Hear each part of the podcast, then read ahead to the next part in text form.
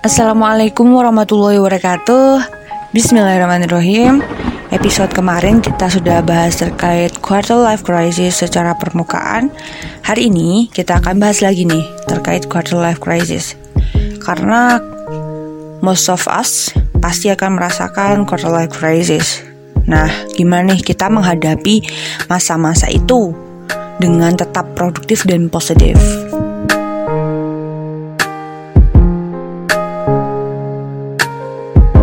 Oke, okay, for the first one, kita harus kenali diri kita. Maksudnya gimana? Karena kita mungkin jarang ya melakukan self assessment. Kita harus tahu kelebihan kita, kita tahu kelemahan kita. Jadi kita bisa memetakan apa yang kurang kita bisa lakukan, apa yang harusnya kita push, harusnya kita dorong untuk semakin kita bisa kemudian bisa menilai sebenarnya passion kita itu di mana, bakat, kemudian sebenarnya apa yang sering membuat kita bahagia secara sederhana, apa yang sering membuat kita tiba-tiba sedih. Dan itu semua bisa dilakukan nih dengan bersikap jujur pada diri sendiri. Sangat penting sekali kita untuk mengevaluasi diri kita. Sebenarnya apa sih tindakan-tindakan yang membuat kita tidak nyaman? Dengan adanya perasaan ini bisa menjadi petunjuk. Seharusnya perilaku-perilaku atau kebiasaan-kebiasaan apa yang harus kita hindari. Kemudian yang harus mulai kita perbaiki. Dan cara-cara apa kita untuk bisa mengubahnya. Uh, aku jadi teringat nih sama uh, beberapa perkataan yang mengatakan bahwa kita harus jadi diri kita apa adanya. Kalau aku sih nggak sepakat ya sama pernyataan itu karena apa? Karena karena kita pu ketika kita puas dengan diri kita yang apa adanya, kita nggak akan nih melakukan upgrading pada pola pikir kita. Kayak semisal aku awal kuliah dengan aku yang sekarang itu pasti mengalami perubahan-perubahan kalau dibilang aku mengikuti mazhab apa adanya, berarti aku awal kuliah itu harusnya tidak tidak berbeda dengan aku yang sekarang. Nah, ini tuh sering disebut namanya growth mindset.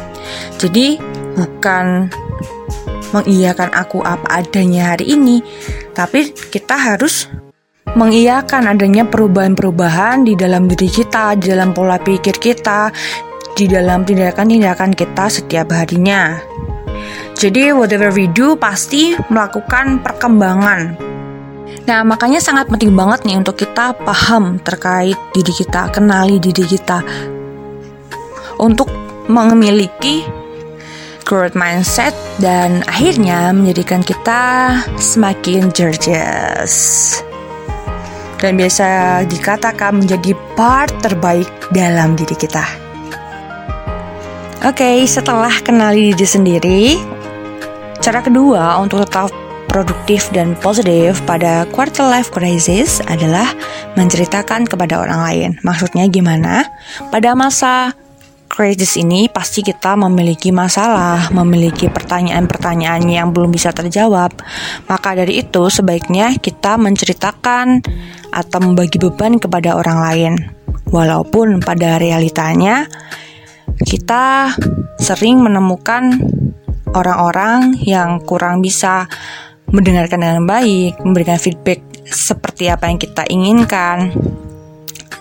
Kita baru cerita dua kalimat, dia sudah menceritakan dirinya 100 halaman. Hmm, tapi itu gak masalah buat kita sebenarnya. Karena bisa melatih kita menjadi pendengar yang baik. Makanya ini penting banget untuk teman-teman cari partner bicara yang tepat, yang nyaman, yang nyambung.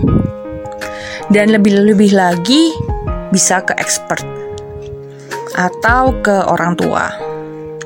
Setidaknya ketika orang lain pun tidak bisa memberikan solusi kepada krisis kita ini, kita sudah membagikan a half of us, a half of apa ya masalah kita kepada orang lain gitu.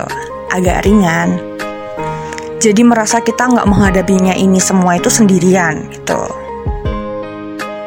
Oke, okay, cara yang ketiga yaitu stop to compare yourself with others. Maksudnya kita harus berhenti nih membandingkan diri kita kepada orang lain dan yang sering terjadi pada perempuan karena notabene aku juga perempuan biasanya kita membandingkan physical appearance kita pada orang lain sebenarnya jujur aku nggak sepakat sama itu karena kita memiliki kelebihan masing-masing gitu dan kelebihan itu tidak melulu diukur dari physical appearance. Makanya don't waste time trying to attain the perfect body, I think. Jangan buang-buang waktu untuk membentuk tubuh yang sempurna, tapi yang terpenting adalah badan yang sehat. Selain membanding-bandingkan physical appearance atau penampilan fisik, biasanya kita banding-bandingkan tuh pencapaian apa nih yang sudah aku miliki dan dia miliki. Di umurku yang sekarang 20-an ini, aku baru mau lulus S1 misal. Tapi dia sudah memiliki bisnis, kemudian dia sudah memiliki suami, dan memiliki anak, memiliki rumah tangga yang bahagia, tapi dia juga wanita karir misalnya atau pengusaha kayak gitu. Padahal setiap orang itu pasti memiliki fasenya masing-masing. Mungkin cara yang paling mudah untuk berhenti compare ourselves itu adalah uh, terima kasih kepada Tuhan, bersyukur. Kata-kata bersyukur ini sepertinya sangat mainstream terdengar, tapi untuk melakukannya ini perlu kekuatannya lebih, perlu keikhlasannya lebih untuk selalu bersyukur, berterima kasih atas apa segala yang telah diberikan. Karena mungkin di luar sana sangat banyak yang orang-orang yang tidak memiliki apa yang kita miliki saat ini. Dan mungkin pencapaian orang lain itu bisa menjadi motivasi untuk kita, tapi tidak boleh underestimate ourselves jadinya.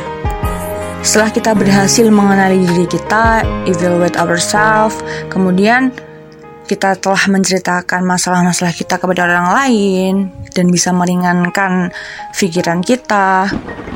Dan selanjutnya kita stop untuk membandingkan diri kita sama orang lain dan lebih mempercayai segala potensi ada di diri kita yang terakhir adalah segeralah aksi.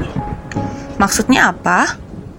Segeralah bertindak segala sesuatu yang bisa mengeluarkan kita dari fase quarter life crisis ini dan melakukan hal-hal produktif dan positif yang terstruktur, terukur, terorganisir untuk mencapai segala cita-cita pengharapan kita di masa depan. Tentunya itu bisa menghilangkan segala kecemasan, keraguan-raguan, menjawab pertanyaan-pertanyaan yang selama ini mengganggu di umur kita saat ini. Right, tetap produktif dan positif. Selalu berpikir, beramal, dan bertuhan. Wassalamualaikum warahmatullahi wabarakatuh.